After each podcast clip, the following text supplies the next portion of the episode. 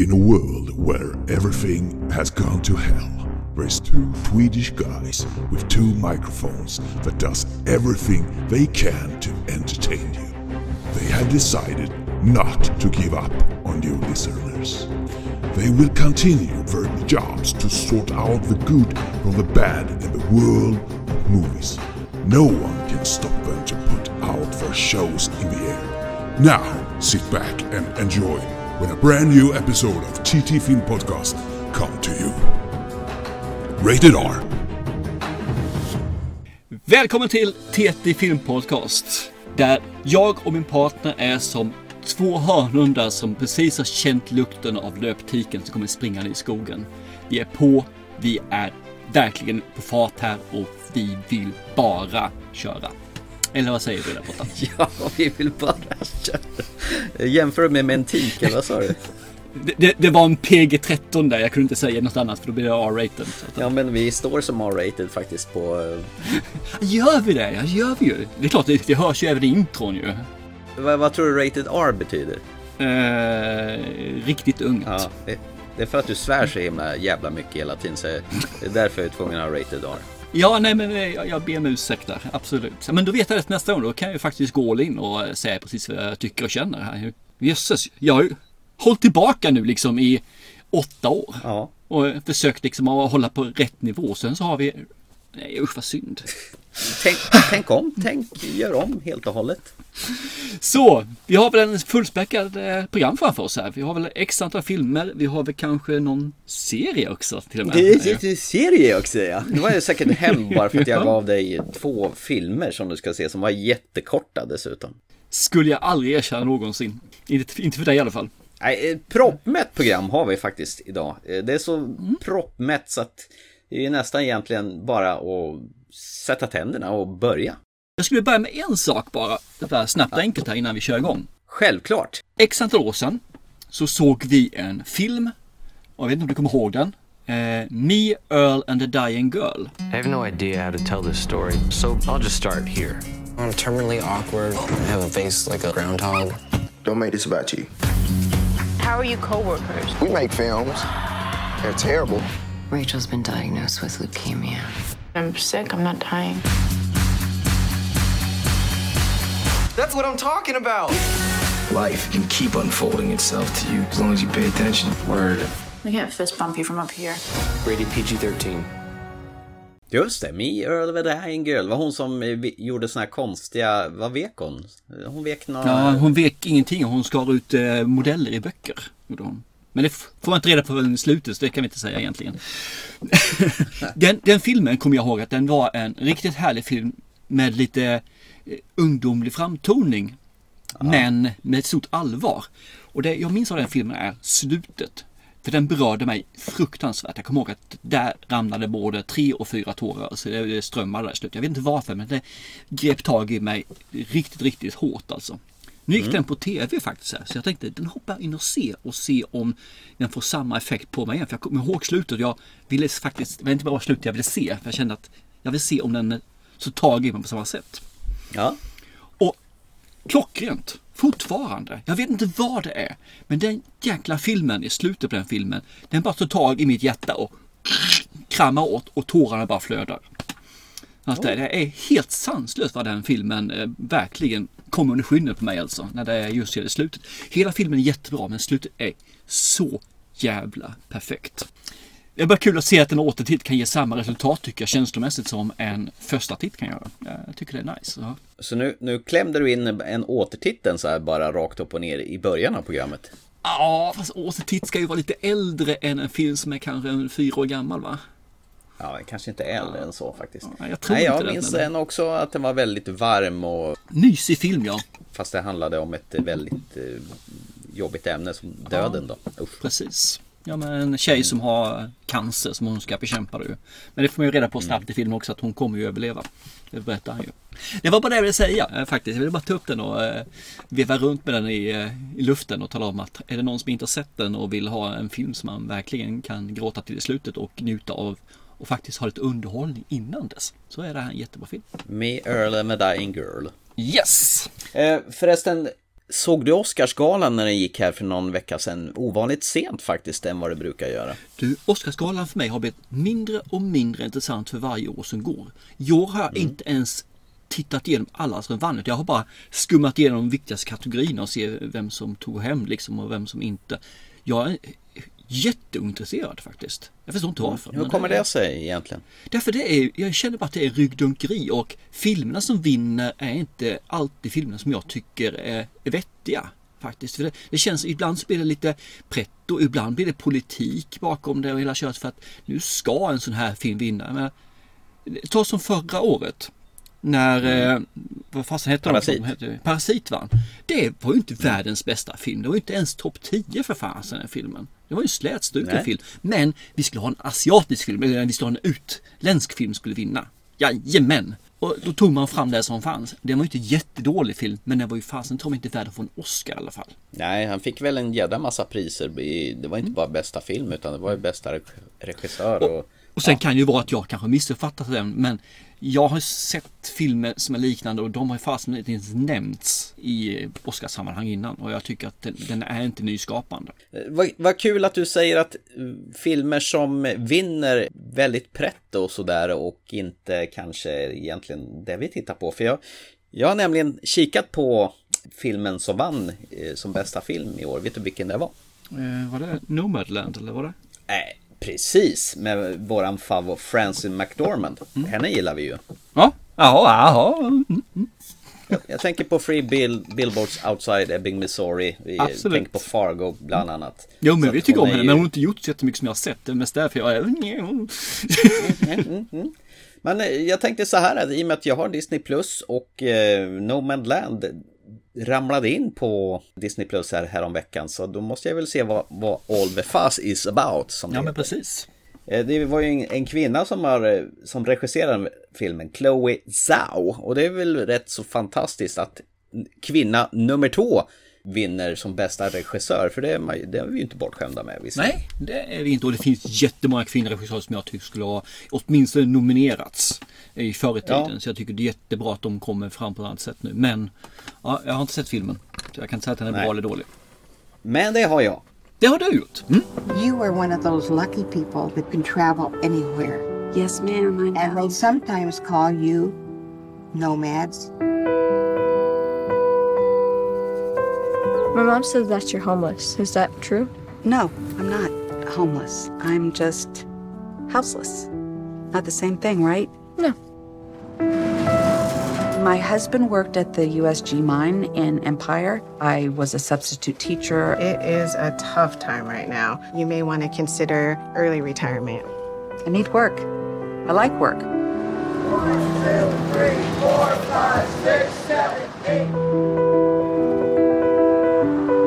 Welcome to Badlands Spa.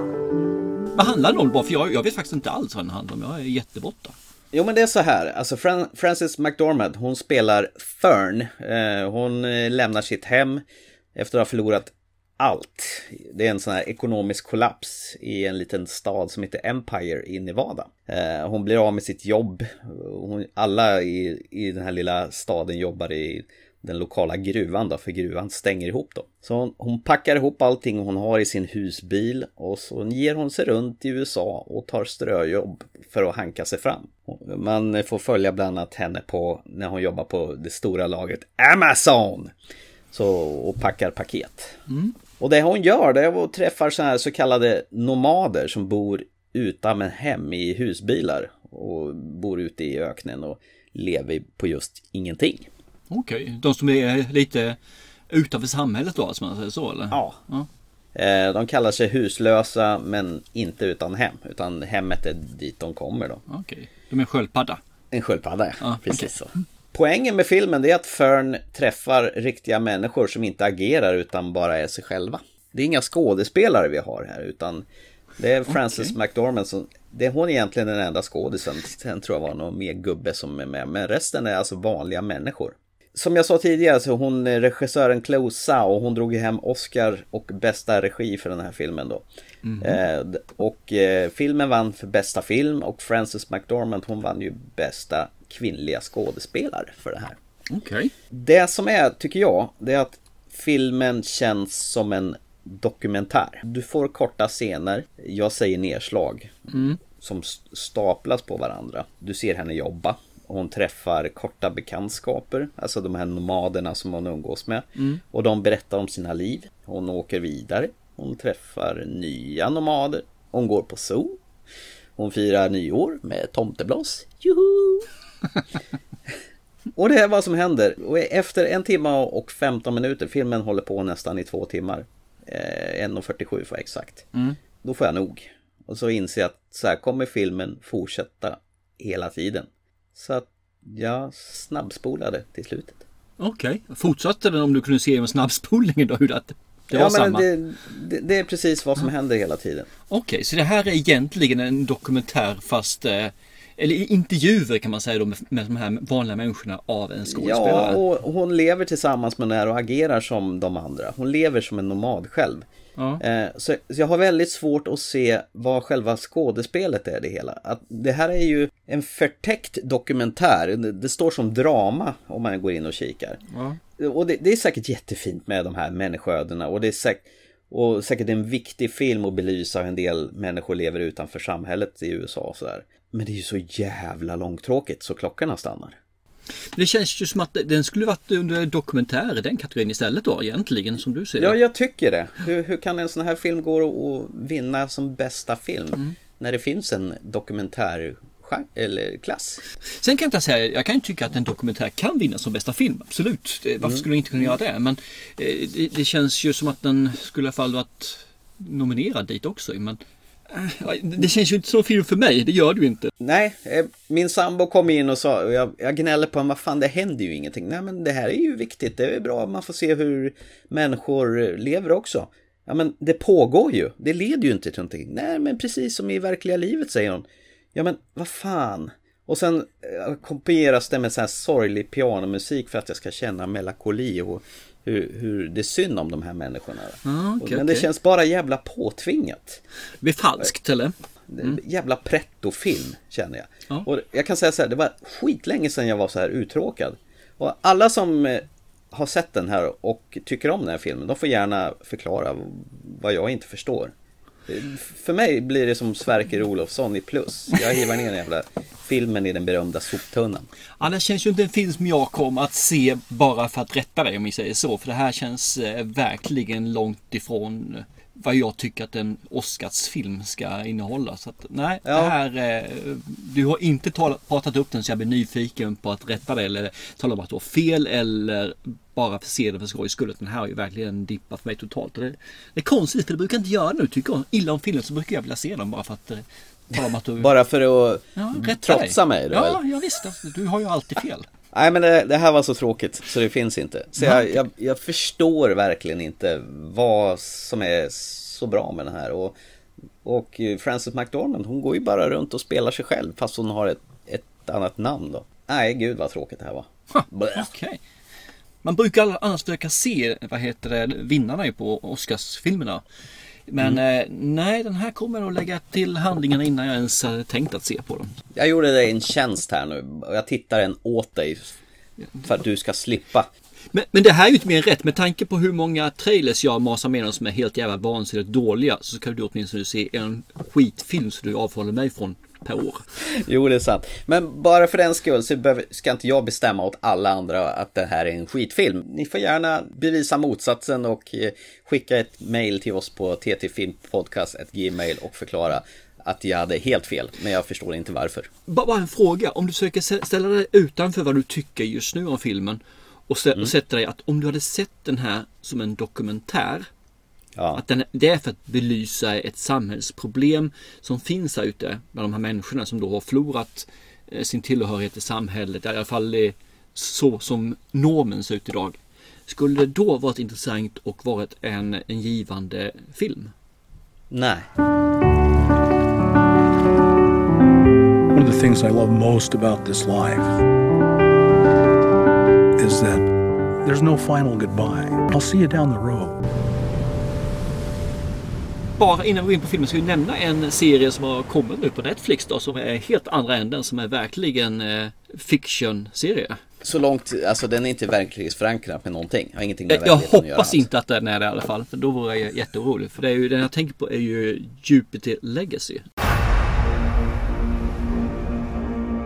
Don't you remember the island? And what we had to do to earn these powers? 90 years. 90 years, and what do we have to show for it? We've made a difference, Shell.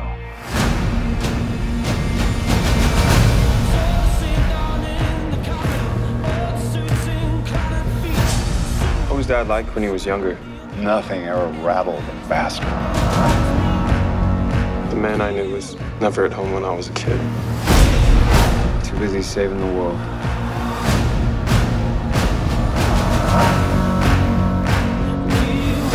Brandon, Chloe, everything you do is a reflection on this family. You have to be the ideal.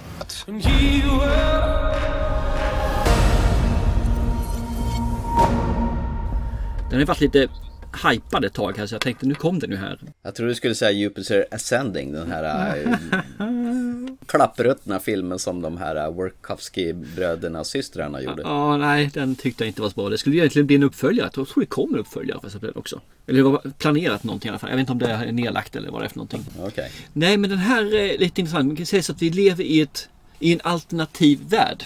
Här har alltså superhjältar har funnits. Nu har vi superhjältar igen som vi är inne på. Superhjältar har funnits sedan eh, ja, 20-talet typ. De har funnits jättelänge. Och eh, det finns då en ledare där som eh, styr det här som har upprättat en kodex som man lever efter. Och kodexen innebär att de lägger sig inte i människors liv. De lägger sig inte i politiken och styr över, över mänskligheten. De dödar aldrig. De får inte göra detta. Och de ska liksom bara ligga vid sidan om och stötta upp och vara en tjänare kan man säga egentligen. Försöka ordna till så det blir ordning och reda i, eh, i världen. Så brott och sådana saker har inte något problem. Så saken är bara den att nu har det ju gått ett tag. Så nu börjar ju de här eh, superhjältarnas barn växa upp också och kastas in. Och det börjar dyka upp fler superhjältar. Och alla superhjältar, eller superhjältar, supervarelser med, med krafter. Och alla de lever ju inte efter kodex. Och en del tycker att jag kan ju fasen göra brott och leva gott på det här istället med mina krafter. Så då börjar det komma upp superskurkar istället. Det är ju saken att superskurkarna, de skiter ju i kodexen. Så de eh, gör ju det som krävs. Medan de här då som lever i kodexen, de får inte döda de andra. Så gör ju att de här som kommer upp underifrån och även människorna börjar tycka att den här kodexen är kanske inte så jävla mycket att ha. Ni måste ju kunna slå tillbaka. För annars så dör ju ni aldrig dem. Det här vanliga superhjältesyndromet egentligen. Om vi tittar på det, de klassiska superhjältarna i, början av eh, ja, 80-talet och framåt. I den här filmen, serien, sen, växlar väldigt mycket. Det går från dåtid, just från 20-talet, stora börskrascherna, till dagens tid egentligen, som är idag då om man ser på det. Och sen så syr man ihop det. Ju längre tid man kommer desto längre får man reda på hur fick de sina krafter? Vilka är de? Var kommer de ifrån? Och vad har hänt under den här tiden? Och det är väldigt högt och lågt. Det är allt ifrån humor till våld till mörker till lite, jag ska inte säga mysterier, men att det finns rätt så många stora frågetecken i alla fall. Jag har sett alla avsnitt nu utom två, jag har två avsnitt kvar. Än så länge så har jag inte fått svar på alla frågor som jag vill ha svar på. Och det finns eh, rätt mycket där som jag känner att det här hoppas de inte sy ihop allting så att det här bara blir en säsong som ska kunna avslutas. Så att de verkligen har tänkt att det här ska bli två, kanske tre säsonger. Och sen kan man avsluta det för då har man tid på sig att bygga ihop det och göra världen komplett innan man eh, vad heter, gör ett avslut. De första avsnitten var aldrig, var inte så här man kände wow, utan det var mer bara hmm. Men det fanns alltid det man ville veta. Vad är nästa steg? Den känslan hade jag. Jag ville veta vad som hände. Så därför såg vi, ja, första kvällen såg vi tror jag tre eller fyra avsnitt. För vi var sugna på vad hände sen. Så det, det, det, det motsäger mig själv att, att det inte var bra. Men det, det gav alltså ett intresse, gav en nyfikenhet hos mig. Mer smak? Ja, lite grann som när jag såg den här American Gods första gången. Den visste inte jag om den var bra eller inte heller. Vad fan är det jag ser för någonting? Men man såg mer och mer och mer hela tiden. Det, det gav en nyfikenhet. Det gav liksom att man hela tiden kände ett avsnitt till. Så idag har vi tagit ett avsnitt och igår körde vi två eller tre avsnitt. Så nu jäklar nu, Nu är det fullt ös här. Jag kan rekommendera den faktiskt, att i alla fall ge den en, en, ett test. För det är en superhjälteserie, absolut är det det. Men det är inte det som är kärnan. Lika mycket som zombierna är kärna i eh, Fear the Walking Dead och de här liksom, Walking Dead. Utan det här är dramat mer eh, familjen, för man får följa den här familjen också ju. Stora superhjälte, pappan och mamman och deras barn varav eh, ett barn vill bli pappa, efterliknande pappa liksom. Och dottern har slagit sig fri totalt och vill inte vara med i familjen överhuvudtaget. Det är mycket liksom persongallerier och, mm. och relationer och grejer. Ja men det är det hela. Och sen ja. tycker jag om det här med att man gör en sneak peek tillbaka då, en 80 år tillbaka liksom. Men är det samma superhjältar som lever så länge eller olika eller generationer vi får följa? Eh, originalhjältarna finns fortfarande kvar men de unga hjältarna som kom efter har ju vuxit upp så de är ju ah, i 20-årsåldern okay. kan man säga då. Man får följa liksom flera generationer su ja, superhjältar? det. Två generationer ja. kan man säga då i alla fall. Titta på den och se vad du säger för någonting. Du får gärna se på den och sen nästa gång vi spelar in podden får du kanske tala om vad du tyckte om den. Det kan vara intressant. Så, det var lite så här eh, igångpratandet till den ordinarie eh, agendan va? Ja, herregud. Vi har moffat. Det har bara vuxit det här avsnittet. Så att, eh, mm.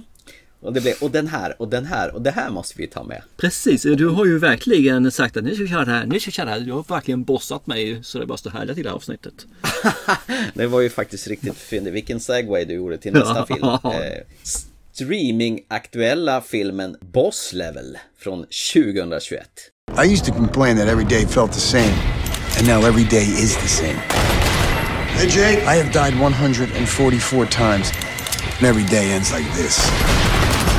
But it doesn't matter. Not when you've lost everything you've loved. Venter, man who's had me killed 150 times. The power to rewrite history is mine. Heads up. I know everything that's gonna happen. I'm being tortured! One thing that never changes. What's up, pretty boy? Bunch of assholes are killing me for reasons that remain a mystery. I am Guan Yin, and Guan Yin has done this. Eins, zwei, drei. I can do this all day.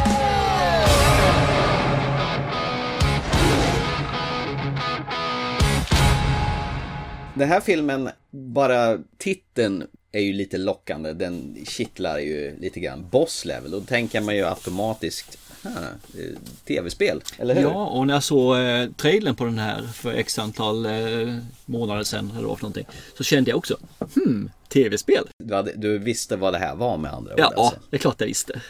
därför du inte var så jävla svårövertalad att den här ska vi prata om. Jag är väl aldrig svårövertalad. Jag är så lättfotad när det gäller film så bara så härliga till. Filmen finns ju lättillgänglig numera för streaming på, ja, över, överallt. SFN, Time Blockbuster eller vad man nu vill hugga den här mm, någonstans. Mm, jag körde Rakuten när jag tittade på den. Akuten? Nej, Rakuten. Men i Boss Level i alla fall, då får vi följa Roy Pulver. Han jäkla namn han har, Pulver. Va? Ja, vad kallar man Captain Pulver? Kallar han va? Han spelas i alla fall av Frank Grillo. Ja, eh, han är en före detta elitsoldat. Ja, han känner vi igen väl? Nej. Han är ju med i alla uh, Captain America-filmer för sig. Han är ju en sån här agent där eh, som visar sig vara en bad guy. Jaha, ja men du vet Marvel Dravel tittar inte jag på. Jävla skit. Jävla skit. Jag såg hela WandaVision häromdagen. Ja just det. Just det. Mm. Frank Grillo i alla fall. Han är för detta elitsoldat och han vaknar upp varenda eviga morgon efter att ha blivit mulad gång på gång.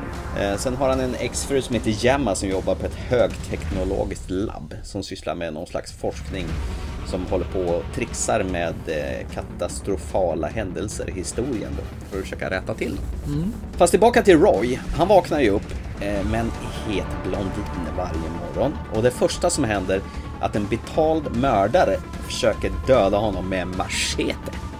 Efter att starta om varje morgon, då lär han ju sig att kasta fram lönnmördaren framför fönstret så att lönnmördaren blir pepprad av den här helikoptern som är utanför. Och sen för att hoppa ut genom fönstret, ner på en lastbil, sno en orange sportbil.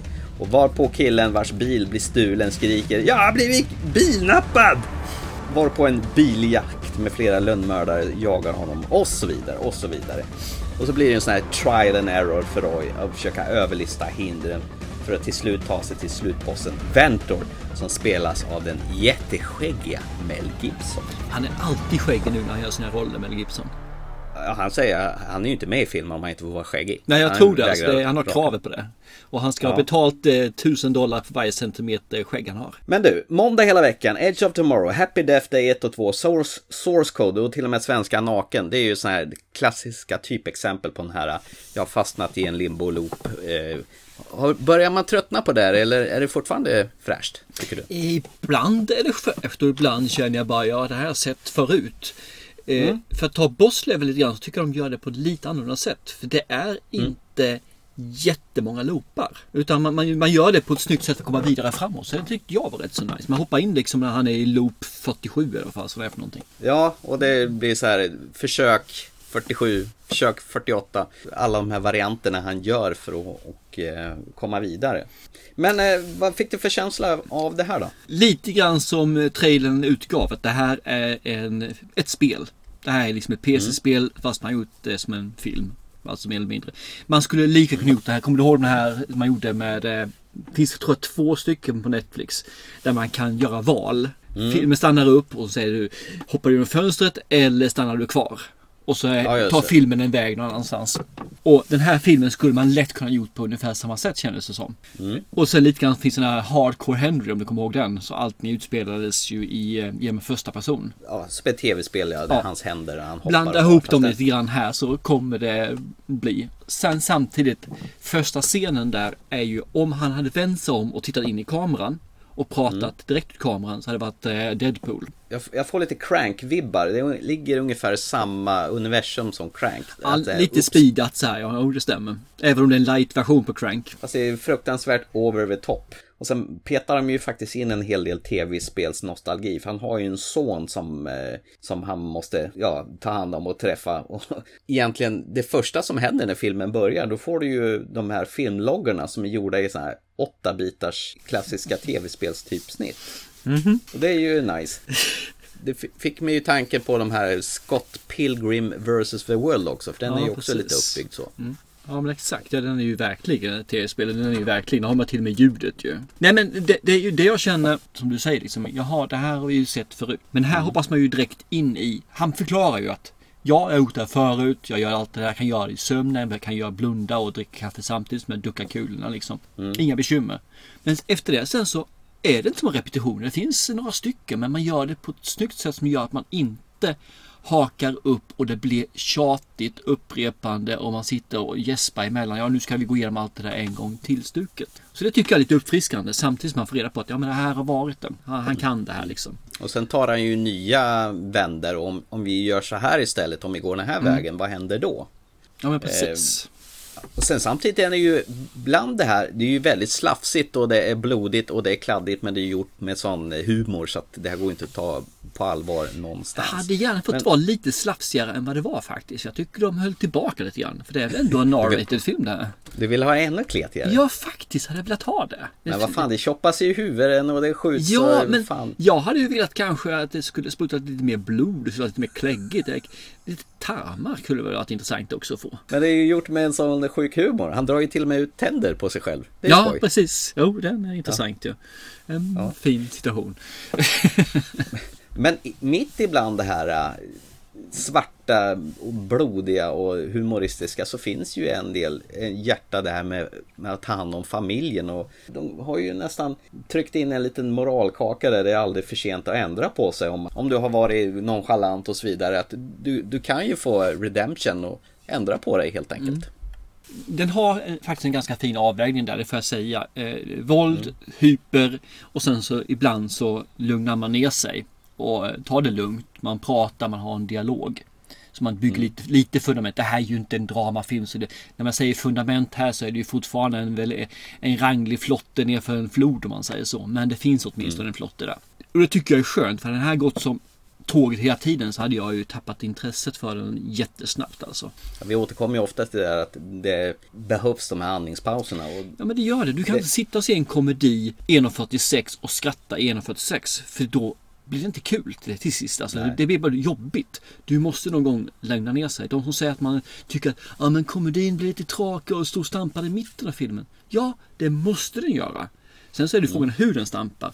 Det är samma sak med action. Du kan inte köra action hela tiden för det, det blir för mycket. Man orkar inte. Alltså, du måste lugna ner dig ibland så du kan och sen kan du ta fart igen. Och det lyckas Ja. han bra med tycker jag faktiskt. En fin rollista. Du har ju Frank Grillo då och sen har du Mel Gibson. Han är väl med som Mel Gibson brukar vara. Ja, i- han gör sitt nu här.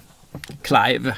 Och sen eh, fr- Roy Palvers exfru Gemma Wells spelas av Naomi Watts. Och hon Mm. är ju också väldigt bra tycker jag. Ja, ja. Hon, hon gör bra ifrån sig tycker jag. Och sen har de ju stoppat in Michelle Yeoh där också. Som från Tomorrow Never Dies, den gamla Bond-filmen också. Hon är Mm. en martial, martial arts tjej.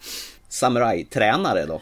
This Väldigt. is Dai Feng and Dai Feng did this. Nej men alltså det här var maken till underhållande 94 minuter. Det får man leta efter. Alltså det är humor, det är slafsigt påhittiga mod. Sjukt over over the top som jag sa tidigare. Man kan inte ta det på allvar någonstans.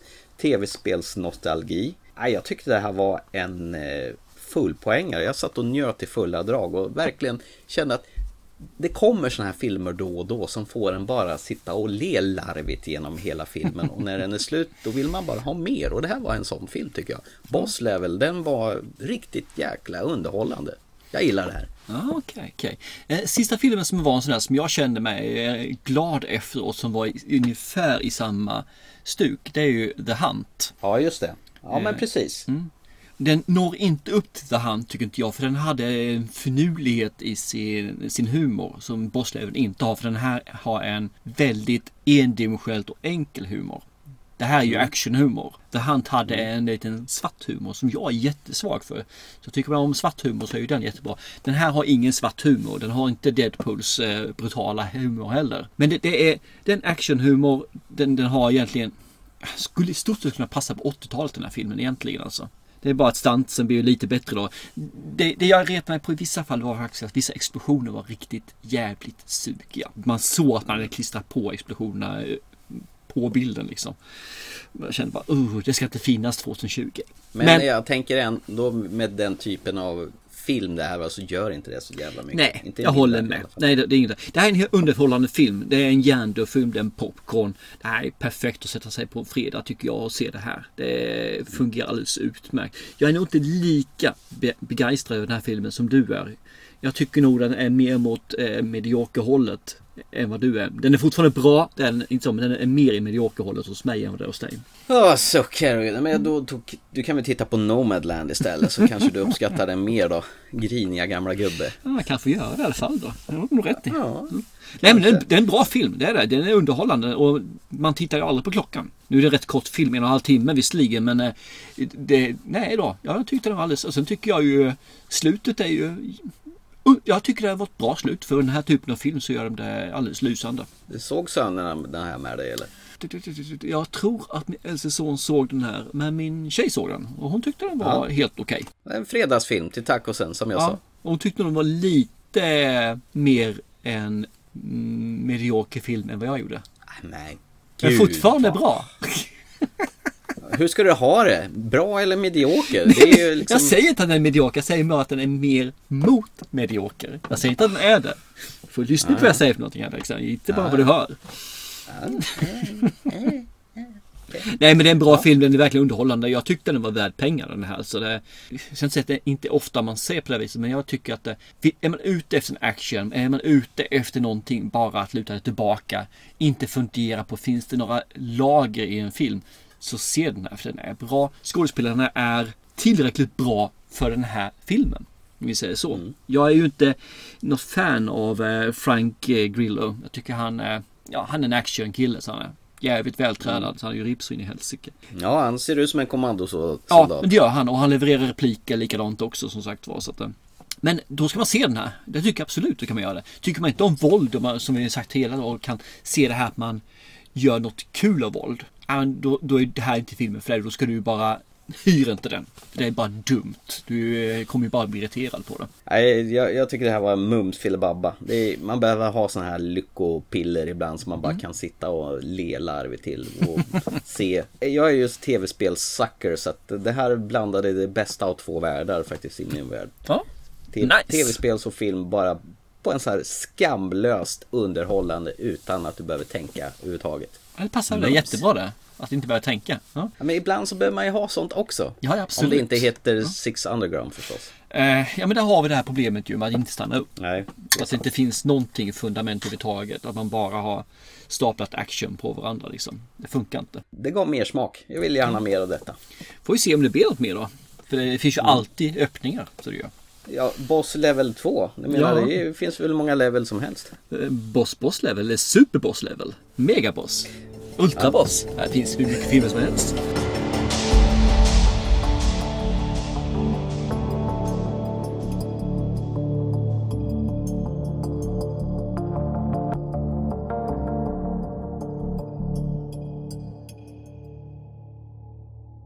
Vi eh, redo att gå vidare till nästa film istället för tv-spel? Och, och vad ska vi servera nu då? Nu tar vi väl en eh, läkemedelstriller, drogtriller. Ja, ja, du, det är kris nu. Ja, vi, så det är Crisis. There is no greater scourge facing America from within. The president takes the opioid crisis very seriously. The kid got snagged at the border. The courier? Took a year of undercover work to get this far. Maybe it's dangerous to press a big sale now. Yeah, but what choice do we have? Our product will be the first truly non addictive painkiller. What the hell is going on? I'm looking for my son. Were you aware of any issues with your son? Like what? Based on your results, you want Northlight to pull their billion dollar drug. It can cost you a hell of a lot more than your teaching job. You've got to have a plan. A plan for telling the truth. Careful. Should this kid get an itch to name names, it would be unpleasant for everyone.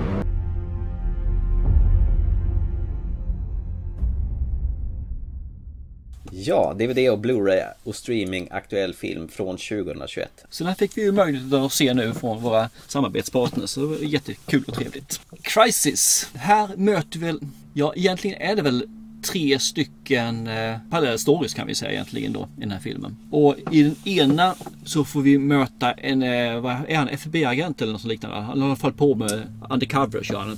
DEA-agent. Dro- droger och sånt är det väl klart. Han håller då på att slå sönder egentligen inte bara ett utan två stycken syndikat egentligen inifrån. För han har väl kommit in i ett syndikat som är vad är det för någonting? Albanier eller vad det är för någonting va? Om jag kommer ihåg rätt. Just det.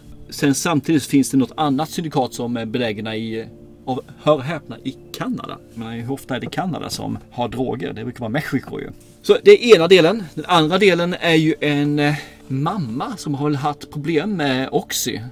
Oxycon som hon har blivit eh, drogberoende på men hon har nu är då blivit ren. Hon är väl ensamstående mamma också som sagt till en eh, son som hon försöker ta hand om och känner ju då skuldkänslor för den här sonen för att hon har ju inte varit så vidare bra mor tidigare i året och känner ju fortfarande att hon har den här, det här starka begäret efter att ta den här drogen då för att det går inte ur ordentligt. Samtidigt så försöker hon hålla ordning med sin son då som verkar vara en väldigt belevad. Han håller på med sport, han är bra i skolan och han har rätt kompisar. Men av någon anledning så åker han in och dör och de rubricerar det som eh, självmord, en överdos av just Oxy. Och hon tror inte på det så hon börjar gräva i den här storyn. Stämmer det här verkligen? Min son har ju aldrig rört droger. Han är, det är inte en sån typ. Jag borde vetat det. Typ. Så där har vi nästa story där hon försöker gräva från sitt håll egentligen om, om sin döde son och bearbeta den kuta sorg som det också innebär. Och så har vi väl, jag ska inte säga den största namnet om man säger så, men det är väl det egentligen, är det inte det? Gary Oldman är väl den största skådespelaren här. Ja, Dr. Tyrone Browner. Han är då en forskare och eh, lärare som eh, håller på och hjälper läkemedelsbolag egentligen med att göra uppföljande tester på ett läkemedel som du ska få ut nu då. Det här läkemedelsbolaget har slagit sig för bröstet att de har ett läkemedel nu som inte då ska göra att man blir eh, beroende. Och han eh, får ju då att hans läkemedel visar, det läkemedel han testar visar ju sig inte riktigt hålla måttet som läkemedelsbolaget säger utan han vill då höja en varningssignal och säga att vi måste göra mer tester medan de har redan gått ut och sagt att vi ska lansera den här och håller då på att få den godkänd också för, till att gå ut på marknaden. Ja, det visar sig att det är tre gånger så beroendeframkallande som de tidigare. Precis, i alla fall med den studien som han hade. Så de här tre storiesarna går parallellt. som man vet när man ser sådana här filmer, eller åtminstone är, var min erfarenhet och det jag trodde jag skulle få, det är ju att man ser tre stycken röda trådar som sen kommer att tvinnas samman till en enda tråd eller ett rep då om man säger. Och det var intressant för det här var ju verkligen skilda saker som, är, som var så långt ifrån varandra som de kunde komma. Så jag var jättenyfiken att se hur ska man få ihop de här tre storiesarna till en innan filmen är slut. Du har ju Evangeli Lilly från Lost. Mm, det är ju mamman där va? Ja exakt. Mm. Och hon var väl den extra inskrivna kvinnliga karaktären i Hobbit-filmerna också. Jaha, jaha, ja. Det har jag inte, kommer jag inte ihåg. Okej. Okay. Det är hon kvinnliga alven. Ja, ja som, just det. Ja. Som de bara rent blev inkvoterad bara för att det var så dåligt med kvinnor i Hobbit-filmerna. Ja, och det kan jag förstå. Men det är lite synd, varför kunde de då inte ha gjort någon annan av huvudkaraktärerna kvinnlig egentligen? Vad hade varit så fel ja, av det? Hon spelar ju Claire Rainman som, är, som, som du berättade förut, utreder på egen hand av hennes son försvinnande och eh, när de hittar honom död. Och jag har tyckt att hon har varit en ganska blek som skådis här förut, men här, här på något sätt så blommar hon upp och jävligt lidelsefull. Det är så jättelätt när man ska hantera sorg och sådana saker saker i film som skådespelare att man under eller överpresterar på det. Man, ja. man spelar över eller spelar under. Men hon balanserar ganska bra tycker jag. Eh, just med att hon har den här historien också som är beroende av det här också då liksom. Att man, man, hon har den historien. Så spelar hon faktiskt jävligt nice tycker jag. Lite för mycket badass kanske ibland men eh, ja, jag tyckte det fungerade bra. Hon har ju ganska hård drivkraft där och mm. verkligen måste ju innan hon kan ro. Hon kan inte acceptera att sonen har tagit livet av sig. Eller sa att det här var någon slags olycka. Och sen har vi Arnie Hammer Army Hammer som spelar Jay Kelly då som är den här DA-agenten då som har dessutom en syster som eh, har, hamnat i knarkträsket som spelas av eh, Lily Rose Depp faktiskt. Dotter till Johnny Depp och Vanessa Paradis. Jaha, okej okay, okej. Okay. Och de, de, de, har ju också en sån här sargad relation där tillsammans. Och han gör ju egentligen allt för sin eh, syrra där att hon inte ska hamna och vara kvar i knarkträsket och samtidigt som han har, har den här jätteoperationen där i gränsen för att knäcka de här syndikaten då. Jävla spännande trådar här, tycker jag. Ja, den enda tråden som jag känner är vek, det är faktiskt mm. Gary Oldman. För jag tycker, han, ja, jag tycker han gör ganska dåligt ifrån sig faktiskt. Eh, som vetenskapsman. Där. Jag, jag köper inte hans, han blir så styltig. Han gör jättebra ifrån sig när han eh, spelar, vad heter det, i Darkest Hour där ju. Mm. Känd, ja, ja, vad heter han? han Churchill. Churchill, Churchill, Churchill. Där gör han jättebra. Den filmen är ju super alltså. Men här lyckas han inte riktigt tycker jag. Och det, det försvagas ytterligare när han kommer hem till sin fru då ju. Eh, som spelas mm. av eh, Indira Varma. Så hon, hon, fall, hon har varit med i eh, Game of Thrones. Hon är en av de här som är i det här exotiska stället. Hon där. Och då är hon gravid. Och saken är den att Gary Oldman är född 59 eller sådana saker. Vad fan ska det vara för någonting? Jag tror det är 59 han är mm. född. Och ja. hon är född 73. Ja, det är en jävla åldersskillnad. Ja, han är då 60 år och väntar ett barn. Ja, det är inte omöjligt. Det finns folk som får barn när de är 60 år gubbar liksom. Det, det kan gå. Men mm. det gör inte att det spär på en trovärdighet. För han ser verkligen ut att vara sin ålder i 60 år. Och då har landat en tjej som är 47 och som ska vänta barn. Det känns konstigt tycker jag. Det, det, det blir, det skaver. Men jag vet inte, jag, jag tycker det jävligt spännande där att när han upptäcker att eh, shit, det här läkemedelsföretaget ska släppa ja. ut det här på marknaden. Missförstå mig här, liksom, jag tycker inte att storyn är dålig, jag tycker han är dålig. Eller dålig, han är inte så bra som de övriga ska jag säga istället. Jag tycker han är det svaga kortet i, i den här filmen faktiskt. Och det är synd när man pratar om Gary som är så faktiskt rutinerad skådespelare som ändå är. Nej, men jag, jag, tycker det är skitbra när han går upp mot eh, den stora draken mm. och säger men hallå det här kan ni inte släppa. Men hallå du får 7 miljoner i anslag här för att eh, i princip hålla käften här. Du försöker köpa hans tystnad och mm. muta honom för att han inte ska gå ut till pressen och, och tala om att det här är åt helvete. Nej, jag förstår inte. Jag tycker han var skitbra här också. Ja, jag, jag känner bara det att du förväntar mer av honom? Jag förväntar mig mer om honom och sen så den storyn mm. känns lite off i den här filmen. Den känns som ja. att den skulle varit en egen film. Och man hade fått den lite större och man hade arbetat med den som karaktär när han är visselblåsare och hela köret. Det känns som att han, han blir en, en karamell i karamellpåsen istället för att det hade blivit att man hade utarbetat den storyn och den personen på ett bättre sätt. Då hade det säkert varit jättebra och intressant och jag hade sett den filmen. Men här blev det Nej. Frågan om det här skulle ha passat bättre som en miniserie kanske på en 6-7 avsnitt än att man komprimerar ner det här i två timmars hopkok. Nej, tror jag inte. Nej. När jag såg den här filmen så Mm. vart det hela vägen fram så vart jag jättenyfiken på vad som skulle komma sen. Jag tyckte den här med droghistorien med eh, han polisen var spännande. Den var jävligt rafflig. Så den var, jag tyckte om drama, eh, action eller dramatrillen med mamman. Och hur, hur Mm. den också ledde henne framåt. Det tycker jag Mm. var jävligt nice. Jag förstod aldrig riktigt var den här läkemedels och visselblåsarens roll i filmen hörde hemma. Under hela resan fram. De andra kunde jag se men jag förstod aldrig riktigt hans roll. Och jag vet inte hur du känner. Nej, vi ska ta det off mic så vi ska göra faktiskt. För nu börjar vi komma vad fan, slutet. två av tre är väl inte så jävla dåligt då? Nej, men det är just den tredje där gör ju att det blir jävligt rangligt. Har du en stol som har tre ben så står den ganska stabilt. Men har bara två ben är den rätt djunglig, eller hur? Men jag tänker ramla omkull. Yes. Och det är det som filmen gör lite grann. För att hade de gjort bara med två trådar så hade den här filmen hållit bättre. Eller gjort om den tredje rå- tråden så att den hade varit mer tydlig. Som just nu är den fristående. Helt jävla fristående kände jag. Du menar att det är lite som Magnus och Brasse och Eva i fyra, fem elefanter är mer än fyra myror där? När, när Eh, de, du kommer inte ens ihåg att det är fem myror är fler än fyra elefanter, men okej. ja men när, vad heter det, Magnus och Eva kommer in till Brasse och han ställer upp fyra djur och Mm. En ska bort. ja, en ska bort där. Mm. Så det här är egentligen den historien som ska bort ur filmen då. Ja, eller göras om åtminstone så den också har vingar. Eller näbbar. Men då säger, eller... då säger jag tycker han ja. Det vill säga du. Ja, vi, vi, ska ha, eh, vi ska ha en diskussion efter här, för jag kan inte ta den här diskussionen nu för då blir det spoiler och det sysslar vi inte med i den här podden. Vet du vad jag tycker är synd dock med den här filmen? Det är att den är fotad på sån här gammal vanlig celluloid-film, alltså inte digitalfilm. Mm. Vilket gör att den blev satans jävla grynig. När man släng, slänger i den här Blu-ray-spelaren och sen drar upp det på 4K-TVn. I och för sig är inte filmen i 4K men han har en tendens att vilja skala upp filmen. Så blir det väldigt grynigt. Och, menar, jag vill inte ha en sån här grynig, gritty film, alltså 2021. Du- Det du säger är att du, tycker att det är jävligt dumt att filma på ett format eller ett sätt som är gammalmodigt när det finns det här Ja. nya idag. Li- Lighthouse, svartvitt, varför ska vi ha det för? Kom igen, det tyckte vi var skitbra.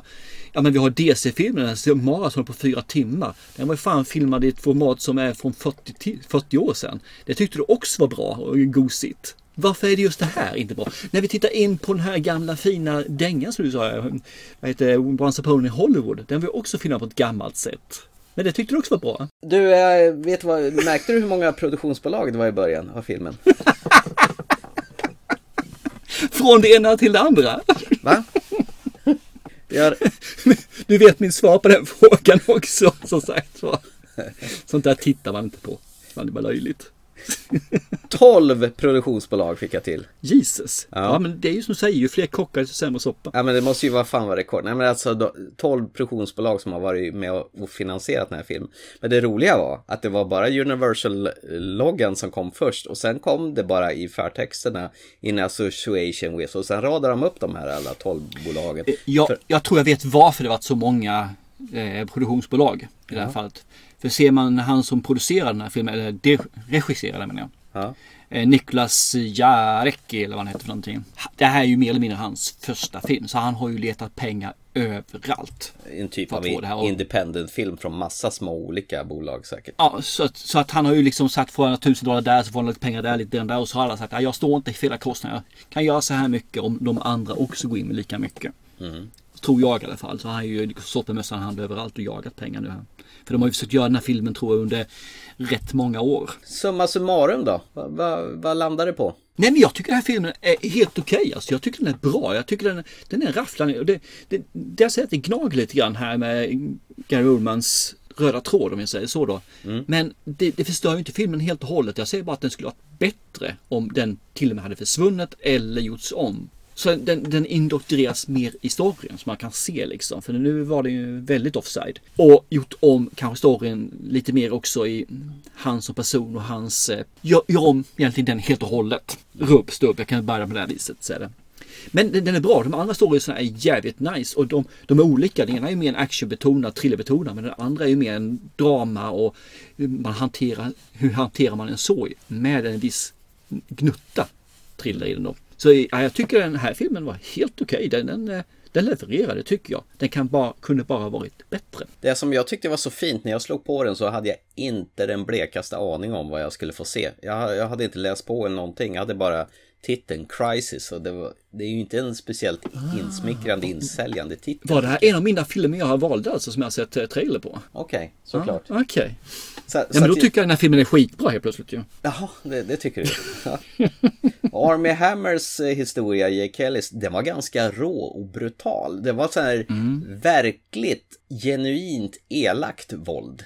Det var det eh, verkligen alltså. Det, det, rått var det. Ja. Verkligen rått. Och jag tycker det är rätt intressant att man har en bad guy som heter Mother. Eller kallas Mother. Ja, det var ju spännande faktiskt. Vi har liksom eh, Kapten Krok. Vi har alla de här tuffa namnen. Han kallar sig själv Mother. Ja. Yeah. Tremble, Mother is here. Men då, då, kan vi alltså rekommendera Crisis från 2021 då, med andra ord. Ja, men det tycker jag faktiskt. Mm. Absolut. För att mm. vara mer eller mindre hans första film så är det här jävligt bra gjort. Mm. Det, är, ja. det är det alltså. Det är underhållande. Jag hade gärna sett den här på bio faktiskt. För det var rätt så maffiga actionscener när det väl är action och en bra berättad historia faktiskt. Ja, jag håller nog med. Jag har inte tänkt på det faktiskt, men jag håller nog med. Det här är nog en rätt så bra biofilm. Kör på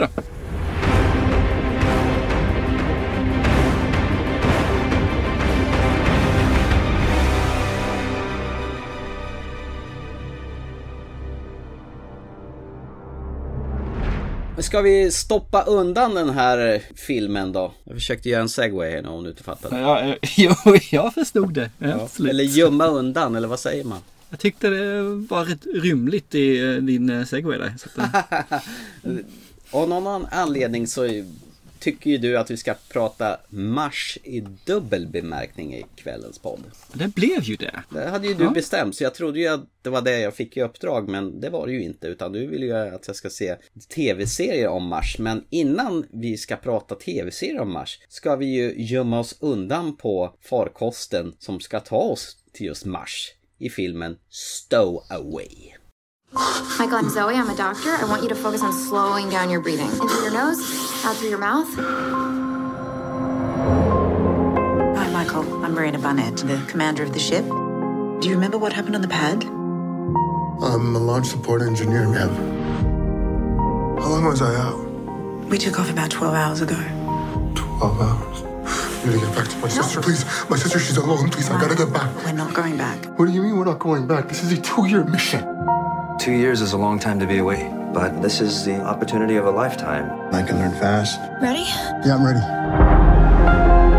We are taking the first steps to being able to call Mars a second home.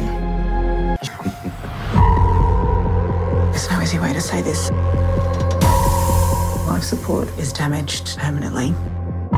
We only have enough oxygen board for three people. Everyone on board will suffocate before we ever make it to Mars. Vad händer här då? I Stowaway så möter vi ju tre stycken astronauter som är väl första bemannade rymdfärden till Mars. Och vi får väl möta dem egentligen när de skjuts upp. Det skakar, allting är, fantastiskt tänkte jag säga, men det är spännande och det är lite så här nytt. Hur låter det när det skakar på rymdfärjan? Oh my god, I'm gonna faint! Tänk om man kräks i uppskjutningen, vad händer då? Får man det i ansiktet? Ja, då? nej, man får det i hjälmen. Jaha, och, och det är inte gott. Så nej. rinner det ner i ansiktet. Äh, tillbaka till allvaret här, för nu är det faktiskt allvaret här. Ja. Vi får i alla fall här möta Tony Collette som är commander på de här tre stycken eh, vad heter astronauterna som då är specialtränade för den här resan till Mars. Och mm. hon heter då Marina Barnett. Ja. Hon är faktiskt den, den enda jag känner igen av de här tre, ska jag erkänna, som har ett namn. Skämtar du? Känner du inte igen Anna Kendrick? Eh, jo, stämmer. Men alltså som är ett namn, för jag tycker Anna Kendrick är inte lika stor som Tony Collette. Nej, okej. Okay. Nej, tycker du det? Eh, ja, det tycker jag. Ah, har, okay. du, har du inte sett Pitch Perfect-filmerna? Hallå? Nej, jag har inte sett dem. Uh, har du inte sett Up in the Air med George Clooney? Hon den här... Den såg jag långt före dig. Så Ja. eh, det är klart jag sett den. Jo men alltså hon har gjort en men Tony Collette har gjort så mycket mer tycker jag. Är framförallt en fantastiskt underbar skådespelare. Men den här uh, accountant med eh, Ben Affleck då, som skaffat Men det är sig... små, det är ju inga ordentliga filmer som har ju gjort något avtryck på det viset ju. Men nej, Pitch nej, Perfect, nej. det är hur många Okej. sett den som är över eh, 14 och tjej? Table 19. Hon är röst i Trolls. Eh, behöver jag fortsätta? Ja men det är ju småkrafs. Hon, hon kan inte ens visas på film för hon måste vara en animerad trollhuvud. Nej, nej, kom igen. Nej. nu- Ty- Vidare, vidare. Nej, nej. okej. Mm. Och så har vi ju, vad heter det, David Kim också i det här fallet som spelas av Daniel Day Kim. Och han är väl känd från NCSI bland annat. Lost. Ja, Lost är han också med, det stämmer. Så att, mm. så, men, det, det, han är inte en jätteskådespelare men han har varit med i en del som jag känner igen honom från faktiskt. Så att, det stämmer nu jag tänker efter. I Lost, lik, liksom eh, hon i förra filmen, eh, Crisis. Mm, Ev- Evangeline, hon var ju också med i Lost. Mycket Lost där. Kan jag få berätta vad den här filmen handlar om istället för att du ska prata om skådespelarna som är slut mer eller mindre nu? Så det är fyra stycken skådespelare i den här filmen. Eh, Den fjärde dyker upp lite senare. Eh, De skjuts upp här i alla fall. Och de här är då vetenskapsmän slash astronauter. Den ena håller på med eh, syre, att ta fram syre och sådana saker med alger.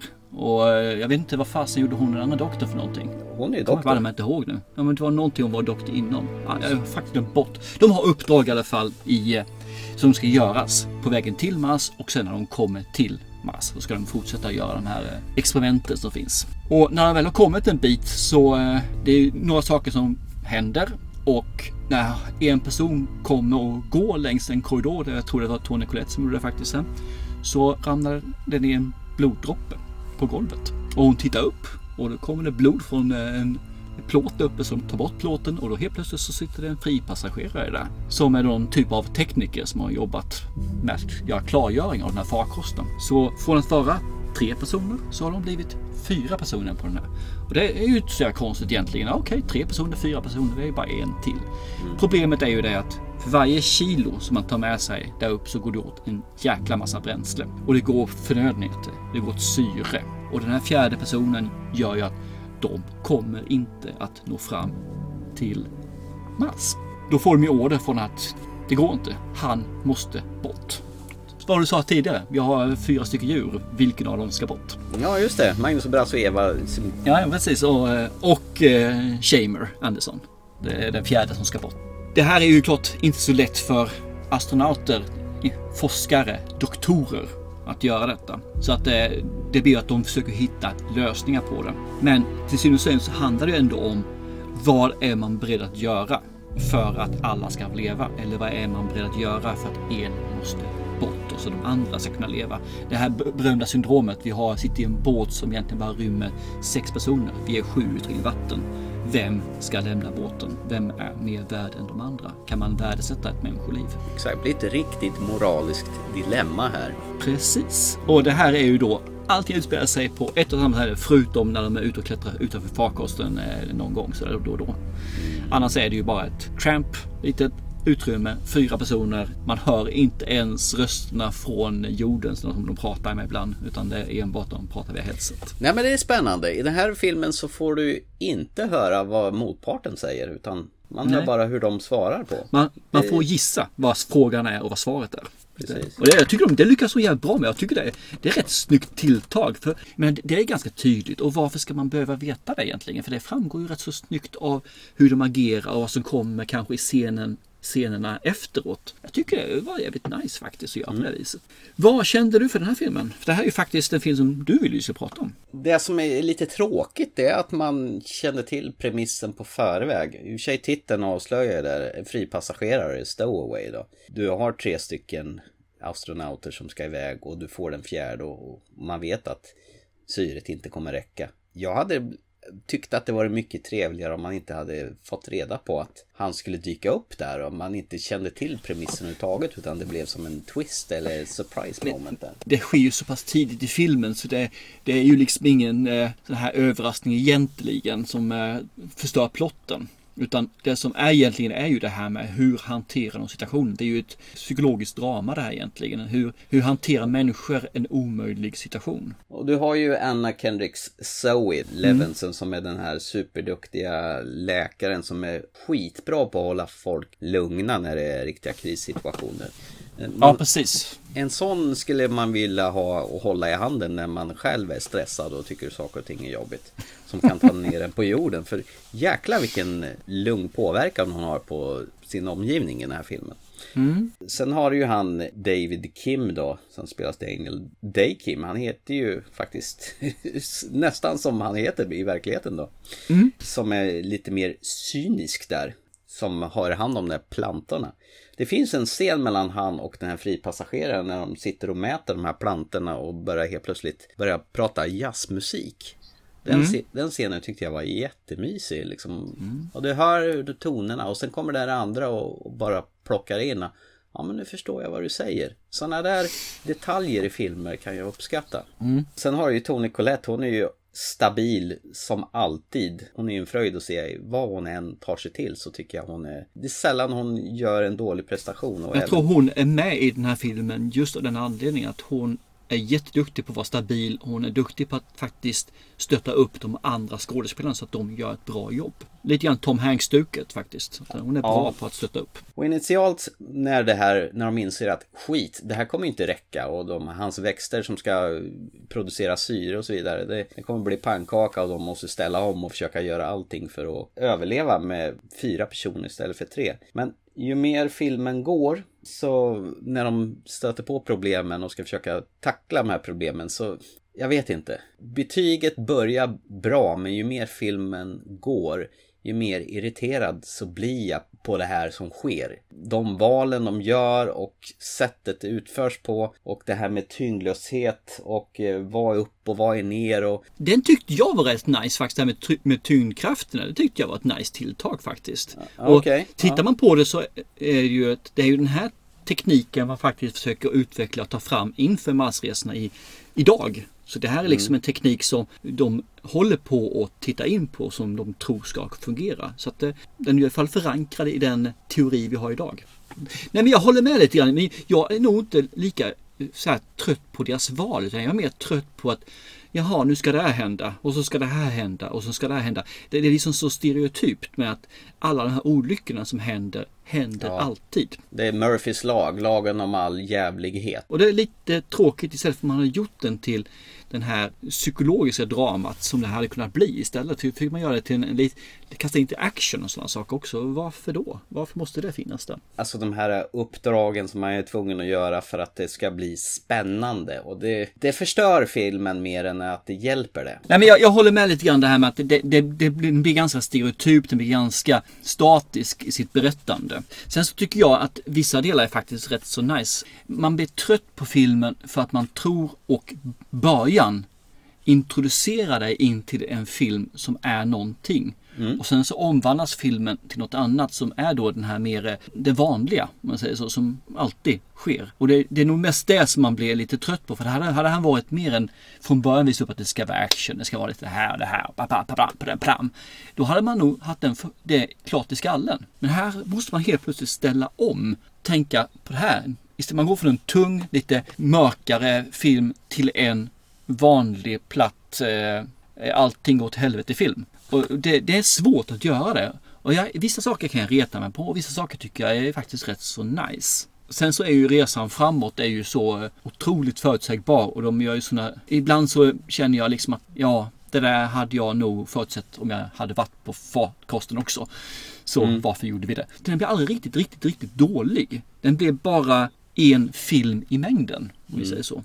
Ja, i, i, min värld så börjar den skitbra, ju, men ju mer filmen lider, ju mer tappar den i betyg i mm. min värld. Jag kan säga att det var upp som en sol, ner som en pannkaka. Ja, okej. Okay. Jag ger inte så dåligt betyg på den. Jag är nog... Du, du är lite binär i ditt eh, sätt att tänka. Jag är nog mer analog. Jag tycker fortfarande att den här är värd att se i vissa avseenden alltså. För, för den skull, jag gillar ju skådespelarna. Jag gillar Anna Kendrick Mm. jättemycket. Hon tillhör ju faktiskt en av mina favvo på av de här yngre skådespelarna. Mm. Skådespelerskorna. Sen gillar jag ju Tony Collette också. Så att även Daniel Day Kim och även Shamir Anderson som... Men, men den här- Tony Collette måste ju vara en av de yngre skådespelarna också som du tycker om. Hon är ju bara född 72 för bövelen. Ja just det, hon är ju jätteunga. Det har Ja precis. Mm. Okej. Men- Så de, det är ju inget fel på det, men det är själva utförandet av eh, filmen som tycker Mm. jag kraschlandar. Nej men jag, jag, jag förstår hur du tänker och jag tror att du fick det här bekymret som jag tror tyvärr att flera kan få. Vi säger så här, när folk ser den här filmen, börjar se på den. Så tror jag att folk som vill ha när några saker händer och det blir liksom eh, saker och ting blir dynamiskt. Att nu blir det här, du måste lösa det här, nu händer det här och det här. De kommer tycka att filmen är tråkig i början och kanske till och med stänga av. Mm. Medan de som vill ha den här filmen kommer tycka, men vad fasen, varför blev den, den här omvandlingen? Det var ju skitbra i början och nu blev det ingenting. Kan du på något sätt se att du får en tyngre och mer dramafilm i början och sen gör du en transformation. För vissa filmer är bra när de gör en transformation. Den här filmen skulle må bra av att inte göra den tycker jag. Så tror jag att den här filmen i alla fall kan tilltala folk. Men du måste vara med på att den går från en drama till en film där, ja vad man kallar den? Shit hit the fan over and over again film. Tyvärr är ju många rymdfilmer är ju åt det hållet att det ska hela tiden utmanas. Jag vet inte om du såg den här eh, Away, med Mars-filmen också. Nej, jag såg aldrig Away, serien. Den blev ju också lite där, sådär att ja, det ska alltid hända någonting istället för att man bygger på relationer, man bygger liksom på det här viset. Det, det är en av svagheterna för den. Ja, kan man, kan man se det, för att komma tillbaka till min röda tråd som jag har svårt att hålla idag känner jag. Så tror jag att den här filmen kan vara en OK-film. Den är inte jätte, ja, den är ganska lång förresten, den är två timmar lång. Eh, Men inte lång tänkte jag, i alla fall inte två och en halv timme. Men kan man gå förbi den och se de här som en tudelare, egentligen som en tvåstegsraket kan man se den som. Raket är kul. Ja, visst. Då, då kan den vara jättebra tror jag faktiskt. Slutet är ju som det brukar vara i sådana här filmer. Eh, Ni får lista ut själva vad jag menar med det. Så att, men se den om ni tycker om det. Framförallt tycker ni om rymdfilmer så är det här en helt okej film. Då, då höjs den upp ett eller två snäpp för den är ganska snygg som film på det viset. Den har ju verkligen sett hålla sig till utseende och farkoster. Vyerna man ser när de är utanför är också jävligt nice faktiskt. Tycker om det här tankesättet just att de håller sig inom vetenskapliga ramarna som man då tror ska fungera idag. Lättillgänglig att se också. Den är ju nyss släppt på Netflix. Så att alla som har Precis. Netflix, det är bara att trycka på den på fjärrisen så är filmen igång. Ja, den är ju klart mycket bättre än Nomadland i alla fall. Så den här hade ju kunnat ha vunnit Oscars som bästa film. Okej, så pass illa. Ja. Ja, ja men då så. Då, då vet vi det.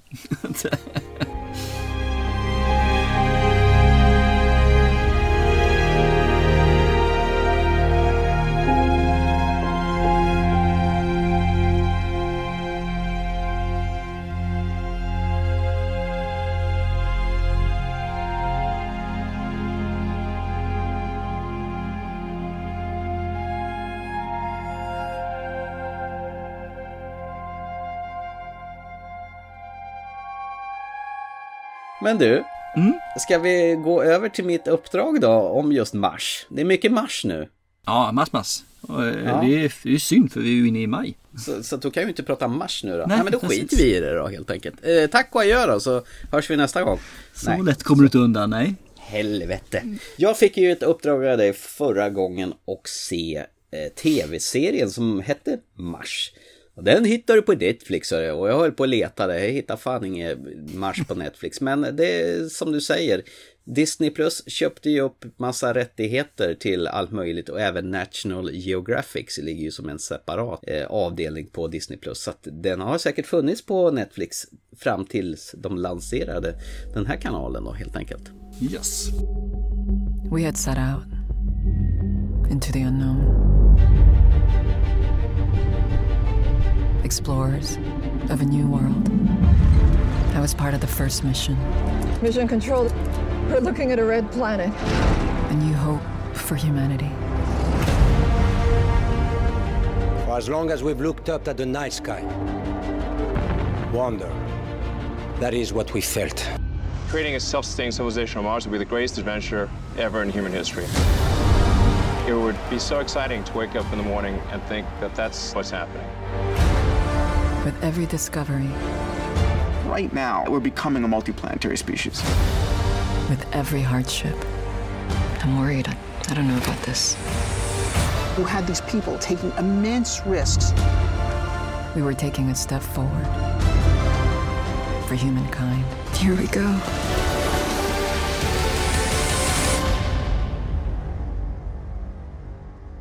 Det är ju faktiskt National Geographic som har producerat den här.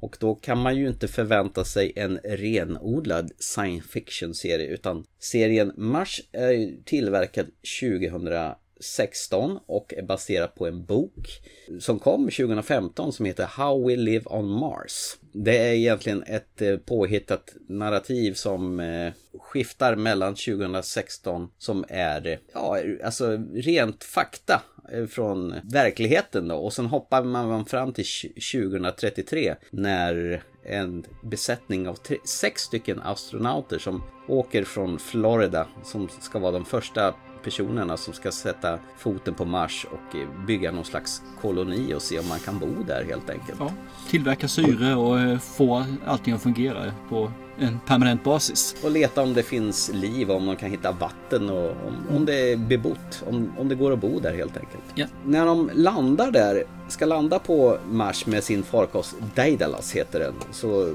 så blir det en sån här, någonting börjar krångla med rymdskeppet. Landningsfarkosten. Ja, så de hamnar ungefär 75 kilometer ifrån där de skulle ha planerat att landa. Då. Och en av besättningsmännen eh, försöker laga det som inte funkar då medan de håller på och landar. Och man måste landa på ett speciellt sätt på Mars och det går med en jävla fart helt enkelt. Det som händer då det är att i vissa sekvenser så är det 2016 och då är det rent faktabaserat. När du får se bland annat hur Elon Musk, anledningen att han eh, startade företaget Tesla, det är egentligen för att han vill bygga rymdraketer som kan eh, flyga till, till Mars. Och sen blandas det med fiction då när vi hoppar från 2016 till 2033 med de här skådespelarna som, som knallar runt där och eh, ja, utforskar. Mm. Och sen får man ju vara med under deras utbildningsfas också. De intervjuar innan de har åkt. Så det är egentligen tre stycken eh, nivåer på serien. Först så, så tycker jag nog att de här dokumentärstilen då, segmenten 2016 ger en sån här riktigt autentisk känsla. Sen ju mer serien går, jag, jag ska säga att jag har sett fyra avsnitt av de här. Ja, ett mer än vad vi kom överens om. Sju eller åtta är det tror jag i första säsongen, sen finns det en säsong två också. Mm. Gör det. Sen la de faktiskt ner den här serien. Ja, det går snack om att det ska komma en trea också men eh, jag vet inte hur, om det, hur långt det har kommit eller ens eh, utanför skrivbordet om man säger så. Grejen är att jag eh, tycker den här äh, dramadelen, alltså den här äh, påhittade scenerna 2033 då. Det är ju jävligt spännande och de flyger med drönare och grejer och börjar bygga och greja för att bygga, bygga sin bas och sen kommer det mer och mer folk dit. Det är skitspännande. Och det som är grejen är, när det väl börjar bli dramatiskt, nej, då klipper vi tillbaka till Elon Musk, eh, ja, så får du se de här faktabaserade grejerna. Till slut så blir jag fan lite irriterad på det här verklighetsbaserade, utan jag vill mer se vad som händer i den här science fiction historien. Så att det stör lite grann tycker jag. Så i början tycker jag det här är ju faktiskt jävligt läckert. Du, du, får liksom riktiga händelser faktabaserat för att få det autentiskt. Men sen ju, när liksom formatet har satt sig och jag kommer lite längre in i serien, då vill jag liksom ta bort det. Jag tycker att det räcker. Utan kan, då tycker jag att man kunde ha glidit över till att bara köra science fiction. Men å andra sidan så är det ju nu så att det är ju National Geographic som har producerat den här och de är ju i utbildande former så att säga. Så att man har, ju tagit två olika världar som inte jag känner att det, det klickar riktigt. Okej, för, jag, för min del så tycker jag att det var en jäkla skön grej. Men jag älskar ju National Geographic också och deras sätt att göra det som du säger utbildande. På, Ja. så att, för de gör det på ett lättsamt men informativt sätt som gör att man känner att man nästan är i en spelfilm under tiden de gör det. Och nu har de lagt till ytterligare en nivå där det faktiskt finns en spelfilm också. Som Ja. har tagit det ytterligare steg. Så jag tycker det här versionen, eller va- varianten de gör på är tilltalar mig jättemycket. Jag är ju lite sacka för just rymden och just Mars och de här rymdresorna och sådana saker. För mig var det här ju eh, mumma för Måns alltså. Men jag- förstår vad du, att du retade på det. Jag kan förstå det. För, ja, ja. Jag förstår. Jag gillade jättemycket introlåten också så jag tror det var Nick Cave, the Bad Seeds som hade gjort den. Aha, En okej. Väldigt så här dystopisk och mörk och murrig Mm. låt. Så att den, den satt jag mös med. Den, den skulle kunna lägga till på min spellista har när jag ska somna på kvällar. Den var nice. Men jag älskar ju hon som är, har befälet på den här, den här asiatiska tjejen som Mm. har befälet på Mars. Och sen eh, får hon, så kommer det ytterligare en, ett rymdskepp och, som, och så blir det lite tuppfäktning där. Att eh, de eh, båda vill ha befälet där. Ja men precis. Jag ville jättegärna se mer av det och mindre av eh, verkligheten. För verkligheten kan jag få Det nog av. blir faktiskt mer av det fiktiva, man säger så, skå- skådespelet och mindre av Okej. det andra. Ja. Så, för det får ett större, vad heter det, en större yta, Spel. större tidsspel.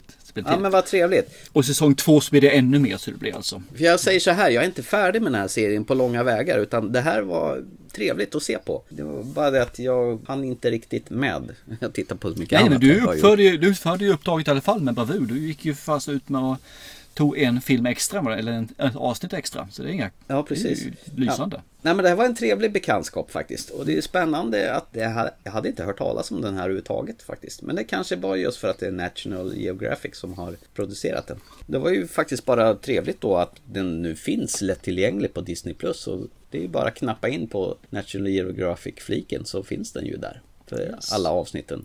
Och jag är rädd att det är många som kommer missa den för att den ligger på National Geographics fliken. Man är inte där och tittar. Jag stötte på den för att den låg på Netflix när jag tittade på den båda, båda säsongerna. Och jag tittade in på den enbart för att den hette just Mars. För jag tyckte att det här kan vara kul till rymdgrejer och så serier då liksom. Och sen vart jag ju fast. Så jag har funderat länge på att du skulle få titta på den här men jag har tyckt att jag kan inte ge en serie på serie på serie utan den får ju vara någon gång då och då som man vill ge serieuppdrag. Men väldigt, väldigt sällan. Ja, någon måtta på galenskaperna Ja, jag tyckte ju det. Men vad kul att du ändå inte har gett upp den utan du, som det känns nu, kommer i alla fall se något avsnitt till. Och se om Ja, det... herregud, jag kommer nog klämma hela rasket alltså. Det, det tror jag, för jag vill se hur det går på livet på Mars här. Det var faktiskt skitspännande. Det som är lite spännande, det är ju det att absolut i början av serien, precis efter de har landat på Mars, så då har ju han den här killen som heter Ben tror jag, som de tycker är hjälte hela dagen, som ser till att de inte dog hela bunten när de Mm. landade där. De gör ju en rätt så grisig operationsscen på honom och, och karvar upp honom med skalpell för att tumma blodet som har kommit in i hans lungor och så. Mm. Och så ser man att serien är rekommenderad från 12 år. Jag skulle fan inte vilja visa min eh, snart 12-årige där när de håller på och sprättar upp honom med skalpell och det forsar ut blod för det såg så jävla autentiskt ut. Ja, den serien kommer jag faktiskt inte ihåg. Den serien. Jag brukar inte tycka sånt där störa mig speciellt mycket men det, det var så jävla genuint äkta det de gjorde så att det bara, bara nej fy fan. För mig vetligen så är det ju ingenting sånt mer i serien efter det. Det finns ju, det händer ju olyckor och sådana saker, det gör det ju om man säger så. Så det finns lite grann där. Men att Ja. det är inte så jättemycket slabb i alla fall som jag minns. Nej. Det var en alls. Jätteklaustrofobisk scen där när de ska ner i en, en sån här krater för Mm. att se om det finns is som de kan använda och, till Ja, vatten precis. och grejer. Exakt. Och det, den här jäkla vajern, vinschen de har som de får koppla ihop till tre olika för att komma långt ner. Och det är bara ett bottenlöst hål. Fy fan alltså för att skicka ner i hålet. Hon är ju, jag skulle ju skita knäck i spiraler. Och bara, det finns ingenting, det är bara mörkt. Och jag tänkte, nu kommer den jävla vajern gå av här. Ja, hon kommer ju bara, Ja. Nu när du tar den så kommer jag ihåg den. Det var rätt nice scen ja. Ja, Det kommer jag ihåg nu ja. Det var så länge sedan jag såg den här nu. Det är lite aha-upplevelse när du berättar om den faktiskt. Nej men alltså ju mer jag tänker på det så är det ju faktiskt riktigt bra det här. Kul! Ja. Men kul alltså. Du får gärna höra av dig igen när du har sett mer på den och se om den håller måttet eller om den, du tappade sugen på den. Ja, nej, jag har inte tappat sugen. Det här Mm. var ett bra tips till mig och till alla andra, ni som lyssnar. Så att vill ni få en ordentlig eh, dos mars så se hellre den här serien än den här eh, Stowaway. Men den kan jag också skriva under på faktiskt. Absolut. Den här Mm. håller mycket högre klass än Stowaway som gör. Det skulle vara för Anna Kendricks skull i så fall då. Nej, nej, nej. Nej, Tony Collette. Okej, se Pitch Perfect då med henne. Va? Eller Accountant. Ska, ska vi hoppa vidare till eh, det näst sista segmentet i podden? Jaha, vad är det då? Den näst sista är ju egentligen där vi tar och väljer nästa film som är ju filmen från förr. Just det. Jag valde ju Amadeus förra gången. Ja, du gjorde det. Den var ju intressant ju. Den här gången är det din tur att plåga, eller förlåt, eh, välja åt oss. Precis. Och jag har faktiskt varit ute på lite forum och så här och råkade sätta på den här filmen. Och det var några stycken där som har haft den här som en av sina favoritfilmer. Men jag har bara sett den en gång. Okej. Och har sen då nu på senare år sett om den och tycker att den är bara så jävla tråkig. Det händer ju ingenting. Säg inte sagovärld nu. Nej, det är det inte. Nej, det är ingen sagovärld. Eh, Det här är ju e- egentligen två underbara skådespelare.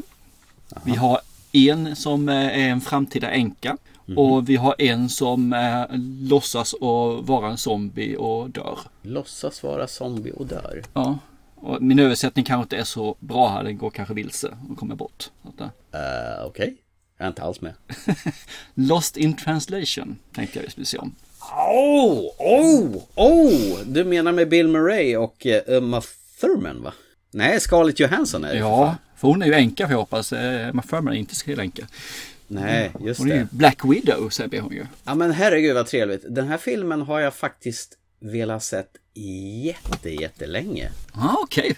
Jag har inte tänkt på den på det viset, men jag såg den och tyckte den var jättebra. Men just när de skrev att den här, de tyckte att den var tråkig, att den hade omvälvat vad de tyckte om den. Andra tyckte den var skitbra fortfarande. Så det, det liksom var, var verkligen delat. Då tänkte jag, hmm, ja men då vill jag nog också se den här igen. Just det. Men vad kul, vad trevligt hör du. Jag har faktiskt den här står inplastad någonstans. Det är såklart du har! Vi hoppas vi kan hitta den här också så den finns någonstans. Men det borde ju finnas på någon streamingkanal. Så, eller så har du inplastat som vanligt. Som. Ja, annars har jag den inplastad i min bokhylla. Ja men vad Så. kul! Ja, det ser vi så. fram emot. Om två veckor, då ser vi Lost in translation. Och för er som vill hänga med och se den tillsammans med oss så är ni hjärtligt välkomna och se om ni tycker som vi tycker. Eller ni tycker något helt annorlunda. Men som men- vanligt så vet vi ju att Thomas har alltid rätt. Ja, med ditt drägelobjekt Scarlett Johansson. Förresten, Ja. snart får du ju se henne i Black Widow. Den kommer ju här nu varken du vill eller i... Och vet du om att när, när vi tittade på Wonder Woman, heter hon inte alls det? Jo det heter hon ju. Wonder Woman heter hon ju. Sytrots-killen. Så tyckte jag, sa jag, tycker hon är snygg sa jag till min son. Ja hon ser bra ut. Ja men hon eller Scarlett Johansson då? Scarlett Johansson, absolut. Så han dissade Gal Gadot mot Scarlett Johansson. Han är en bra son. Så han är jävlar. Har du hjärntvättat honom har du gjort. Spelar ingen roll. Det är bra i alla fall. Eh, Jag är redo för sista segmentet om du är det. Det är definitivt. Vad är det då? Ja, det vi alltid gör i podden. Avsluta den. Jajamän. Och ni andra, ni ser tre, fyra, fem, sex, sju, åtta filmer tills nästa gång. Eller kanske några avsnitt av den här serien Mars. Ja, det kan ni också göra. Mars, mars, fast det är maj. Det är jättekonstigt. Exakt. Till dess får ni ha det fantastiskt, så säger vi så. Chip chip! Hej då! It's a god awful small affair for the girl with the mousy hair. But her mommy is yelling no, and her daddy has told her to go. But her friend is nowhere to be seen. Now she walks through her the seat with the clearest view. And she's hooked to the silver screen. But the film is a saddening bore, for she's lived it ten times or more. She could spit in the eyes of fools as they ask her